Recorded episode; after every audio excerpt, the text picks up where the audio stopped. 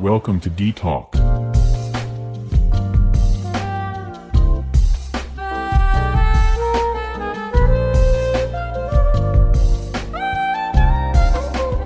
Halo, apa kabar? Ketemu lagi dengan saya, Ardi Wicaksono. Tetap di Ditok, Ardi Talk. Episode kedua ini tayang di akhir bulan Mei. Hmm, udah pada mau lebaran ya? Udah pada beli tiket mudik apa belum nih? Harusnya udah dong ya, biar bisa lebaran di kampung halaman masing-masing. Ngomong-ngomong soal libur lebaran, nanti kira-kira pada mau ngapain nih lebaran? makan-makan ya biasanya bulan puasanya udah berakhir terus makan-makan yang enak-enak gitu. Tapi hati-hati, lebaran bukan jadinya lebaran. Oke. Nah, untuk kali ini saya akan membahas soal obesitas. Nah, atau gara-gara lebaran jadi lebaran itu tadi. Obesitas itu apa sih?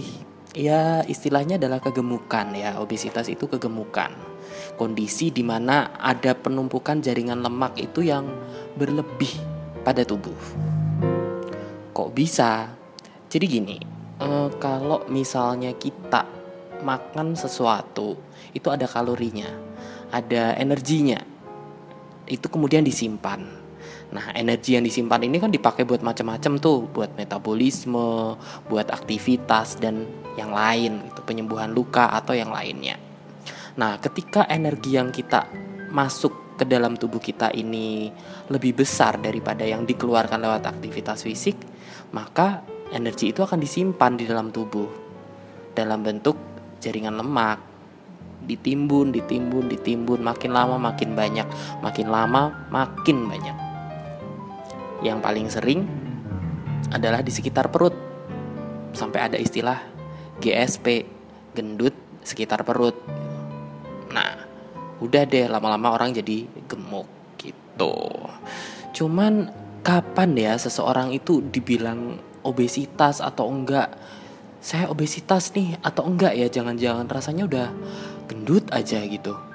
Kapan kita taunya? Nah, kita bisa pakai parameter yang namanya indeks massa tubuh. Indeks massa tubuh itu adalah penghitungan eh, kurus atau tidaknya seseorang berdasarkan berat badan dan tinggi badan. Cara menghitungnya begini. Berat badan itu dalam satuan kilogram dibagi dengan kuadrat dari tinggi badan dalam satuan meter.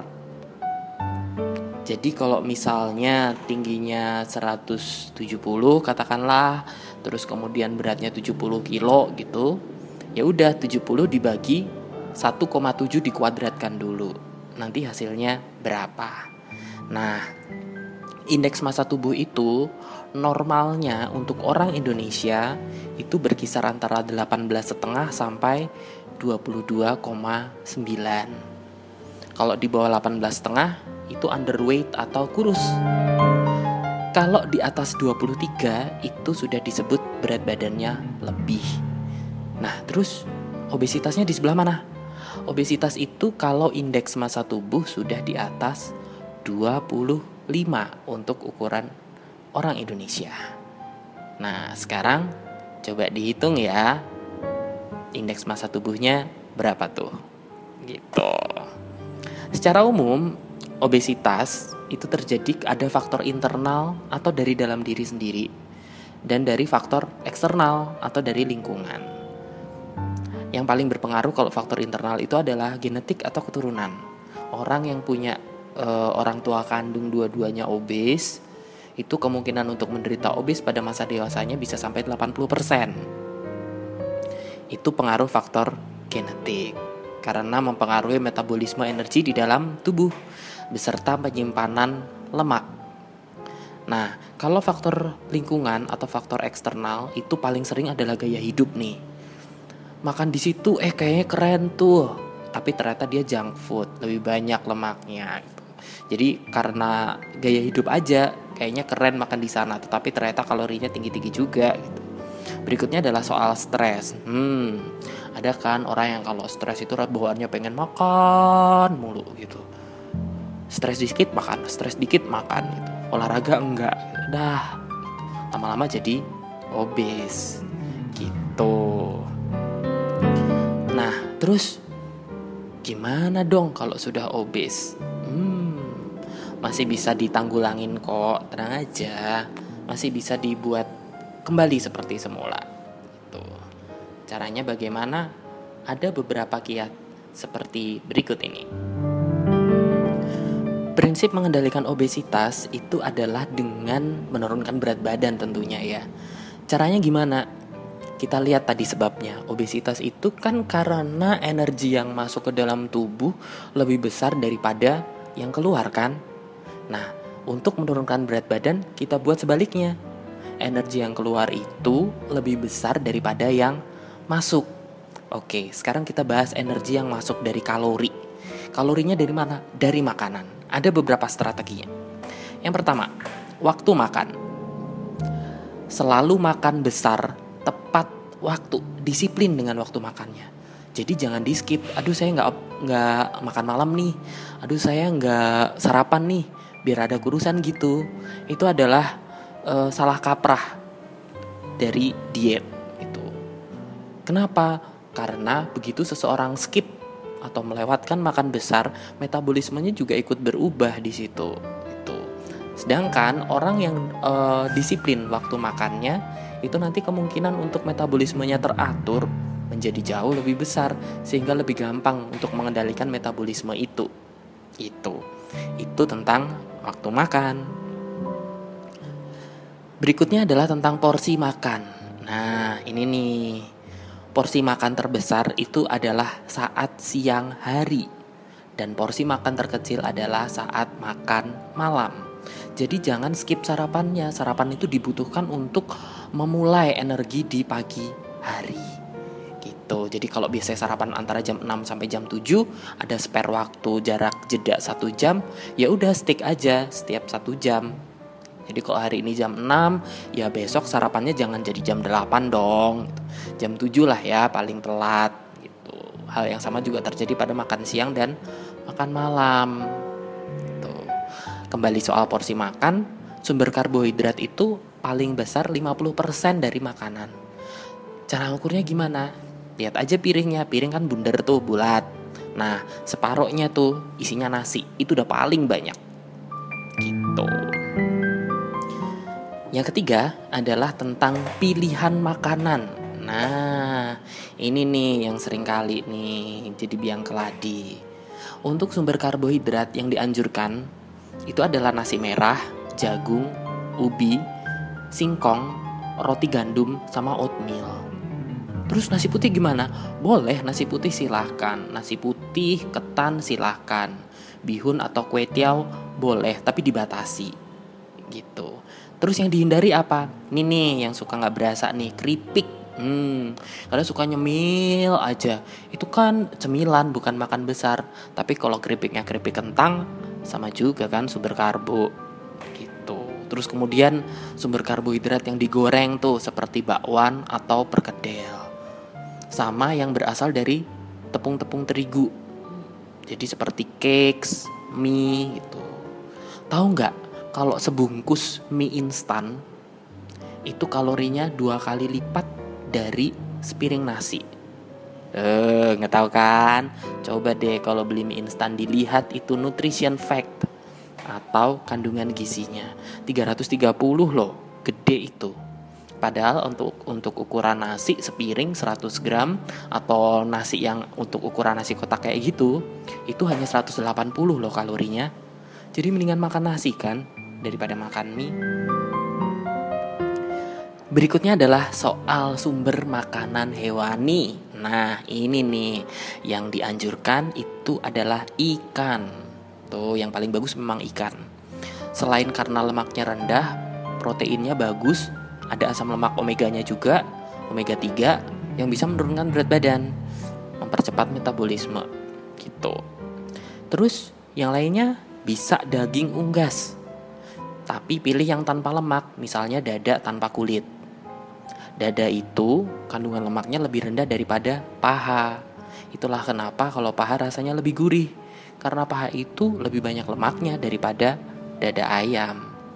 Putih telur, susu rendah lemak itu juga bisa dipakai. Nah, terus kalau daging hewan berkaki empat seperti sapi dan kambing gimana dong? Boleh dibatasi dan lagi-lagi dipilih ya, jangan yang banyak lemaknya. Kuning telur juga boleh gitu sesekali gitu. Selama nggak ada masalah dengan kolesterol, kuning telur masih lumayan aman sih. Lalu yang dihindari apa? Hmm, ini nih. Seafood, udang, cumi, kerang. Tuh, enak semua kan? Hmm, tapi memang kalorinya tinggi. Jeroan, otak, kikil, sosis. Nah, itu susu full cream. Nah, tuh lemaknya banyak tuh. Jadi hati-hati ya, termasuk juga uh, keju. Nah, keju juga lumayan tuh. Lalu gimana dengan protein nabati? Hmm, protein nabati ini yang bisa dikonsumsi dengan jumlah cukup banyak yang disarankan itu adalah tahu, tempe, dan jamur. Itu aman. Yang dibatasin e, berbagai kacang-kacangan. Kacang-kacangan boleh sih lemak nabati gitu, tapi kalau banyak dan bentuknya digoreng ya sama aja. Minyaknya jadi banyak juga lemaknya yang ditimbun di dalam tubuh. Sedangkan sayuran, semua sayuran boleh kok. Gitu. Cuman dibatasi ya yang untuk e, sayur-sayuran yang menimbulkan gas karena biasanya menimbulkan sensasi kurang nyaman atau kembung seperti kol dan kubis. Kalau buah-buahan, hmm, buah-buahan itu nggak selamanya aman loh karena buah-buahan banyak mengandung fruktosa atau gula sederhana. Jadi e, gampang banget meningkatkan kadar gula darah dan kalau jumlahnya berlebih tetap juga akan disimpan dalam bentuk lemak. Tapi secara umum memang buah-buahan cukup aman seperti mangga, pepaya, jeruk, apel, apalagi ya, melon, alpukat, jambu itu oke, gak apa-apa. Sedangkan untuk e, buah-buahan seperti nanas dan pisang jangan terlalu banyak karena kalorinya cukup besar. Pisang satu itu kalorinya cukup besar dan bikin kenyang. Terus ada yang perlu dihindari nggak? Buat kamu penggemar durian, maaf ya, duren tuh batesin sama nangka.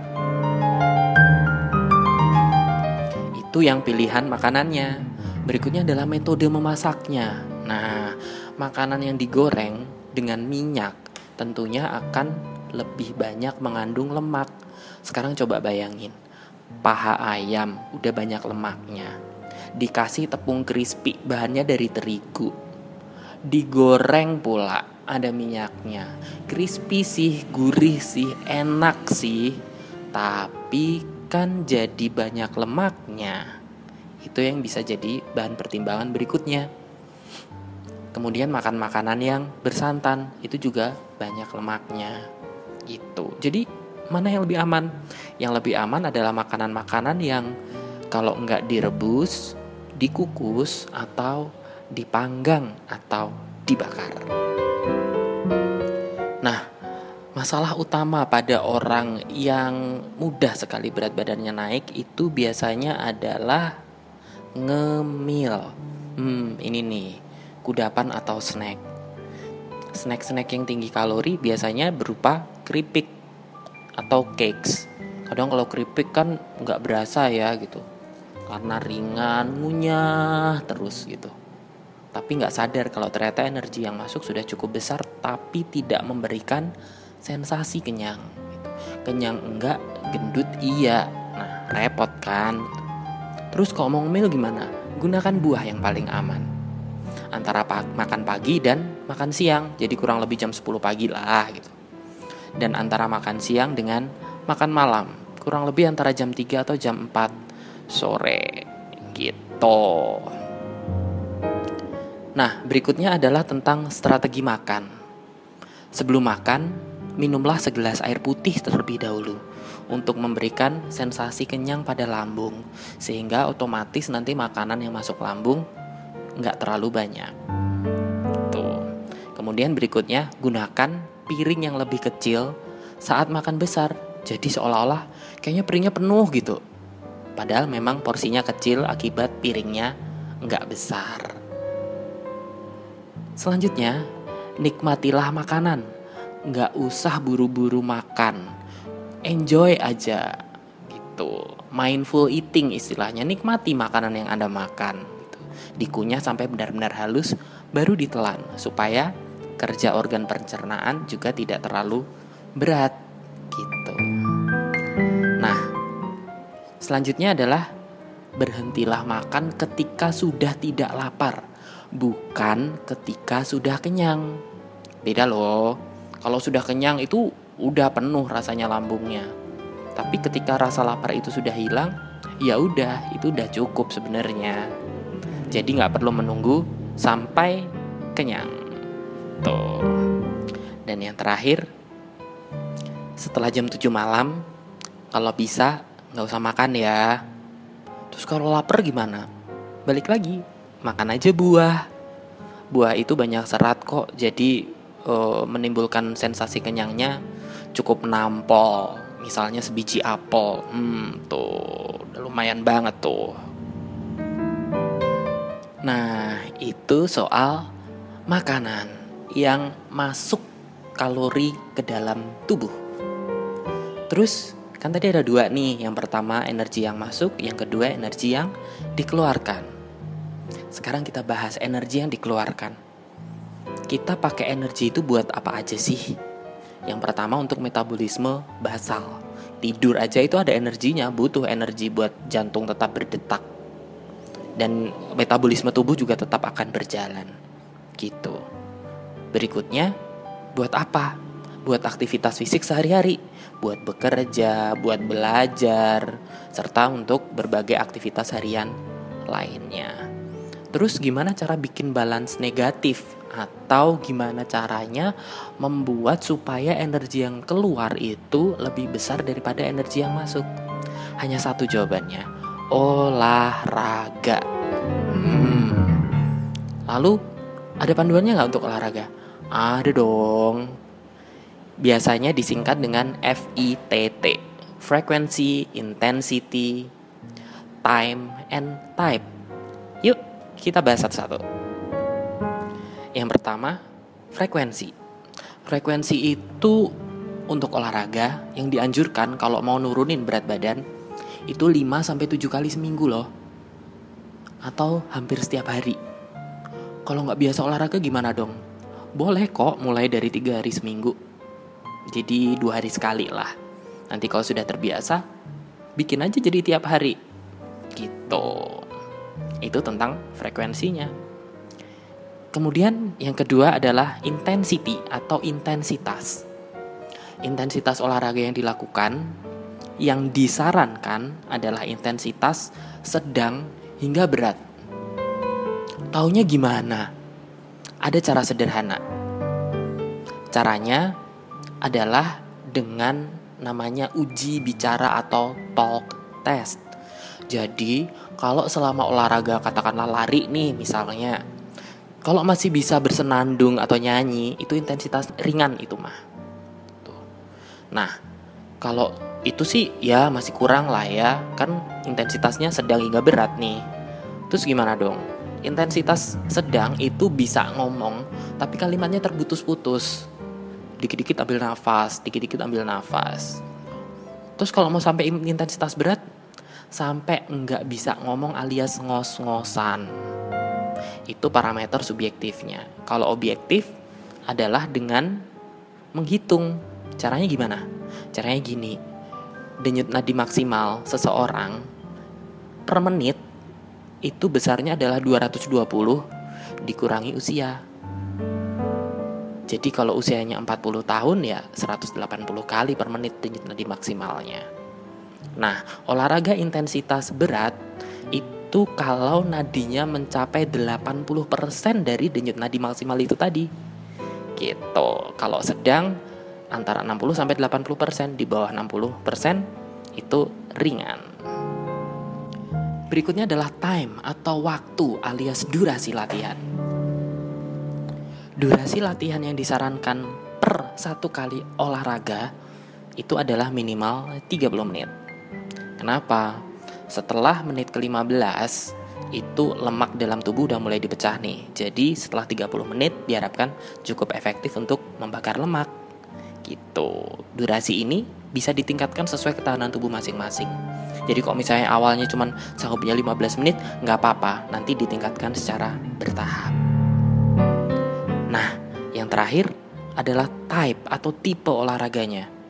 Tipe olahraga yang sangat disarankan adalah aerobik. Aerobik itu pilihannya adalah berlari, bersepeda, atau berenang. Atau bisa juga senam aerobik, boleh. Itu adalah tipe-tipe olahraga yang butuh banyak oksigen gitu. Jadi bukan resistance training atau push up sit up seperti itu. Itu adalah tipe-tipe olahraga yang anaerobik. Jadi mulai dulu dari olahraga aerobik, lari 30 menit, seminggu 3 sampai 5 kali misalnya sampai ngos-ngosan. Nah, contohnya seperti itu tadi. Tipsnya tadi sudah sempat disinggung sih. Olahraga bisa dimulai sesuai dengan kemampuan pribadi terlebih dahulu. Kalau nggak biasa olahraga, bisa nih pelan-pelan dulu. Ditingkatkan intensitasnya secara bertahap. Mulai dari yang ringan, nanti abis itu yang sedang syukur-syukur bisa sampai intensitas berat. Supaya adaptasi tubuhnya terjamin. Gitu. Sebenarnya nggak susah kan nurunin berat badan karena semua kembali kepada kita sendiri gitu. Menurunkan berat badan kuncinya sebenarnya adalah merubah perilaku. Perilakunya seperti apa? Perilaku makannya dibuat jadi yang sehat dong. Lebih banyak makan sayur dan buah. Perilaku olahraganya yang dari tadinya males-malesan gak ngapa-ngapain gulang-guling, gulang-guling ganti jadi bersepeda atau berenang. Berenang bagus tuh karena semua organ tubuh bergerak. Itu cukup efektif juga, bagus juga gitu. Jadi kalau misalnya ada uh, orang yang punya masalah sendi, aduh sendinya suka linu atau pernah cedera gitu, jadi nggak bisa lari nih, bisa berenang, gitu. karena berenang kan tidak bertumpu pada sendi. Atau kalau kamu punya sepeda, goes aja tuh. Pagi-pagi enak tuh seger bisa sambil lihat pemandangan. Kalau untuk kapan ya efektif olahraga itu? Apakah pagi atau malam? Sebenarnya nggak ada panduan sih kapan aja sesempatnya. Tinggal kita mau meluangkan waktunya kapan. Kalau bisa pagi ya pagi kalau aduh kalau pagi riweh nih itu bisa malam ya udah nggak apa-apa. Silahkan malam olahraga. Tetap seperti panduan yang tadi. Gitu. Lalu bagaimana dengan berbagai suplemen yang katanya bisa menurunkan berat badan itu? Nih ya panduan WHO dan Kementerian Kesehatan untuk menurunkan berat badan yang rekomendasinya paling kuat itu adalah dengan mengubah perilaku perilaku makan dan perilaku berolahraga. Terus kalau misalnya ya udah deh nggak makan biar sampai kurus gitu, bisa turun banyak gitu. Hati-hati dengan penurunan berat badan yang terlalu cepat. Kenapa? Metabolismenya istilahnya kaget gitu ya. Nanti baliknya bakal cepet lagi. Ini yang namanya yo-yo effect. Turunnya cepet, naiknya juga cepet. Gitu. Terus yang baik gimana dong? Idealnya menurunkan berat badan dalam seminggu itu adalah antara setengah kilo sampai satu kilo. Jadi dalam sebulan kurang lebih turunnya 4 kilo. Di awal kalau menu mau menurunkan berat badan, bikin aja target. Ah, saya mau turun berapa nih? Gue pengen turun 10 kilo nih. Kira-kira berapa ya? Ya kurang lebih dua bulan bisa lah gitu. Ah, dua bulan turun 10 kilo banyak ya gitu. Sebenarnya bisa loh saya sendiri udah bisa membuktikan kok. Nah, jadi kesimpulannya, kalau mau menurunkan berat badan, yang pertama tentukan target dulu. Kemudian segera dimulai aja. Itu nanti kalau sudah terbiasa, bakal enak kok. Jadi terbiasa hidup sehat, faktor resiko untuk sakit jantung dan stroke juga berkurang, badan juga kelihatan lebih oke, lebih ramping. Yang jelas, lebih sehat. Gitu. Well guys sekian dulu ya di talk episode kali ini. Episode kedua di akhir bulan Mei. Nanti ketemu lagi dua minggu lagi ya tetap dengan saya Ardi Wicaksono di di talk Ardi Talk. Bye bye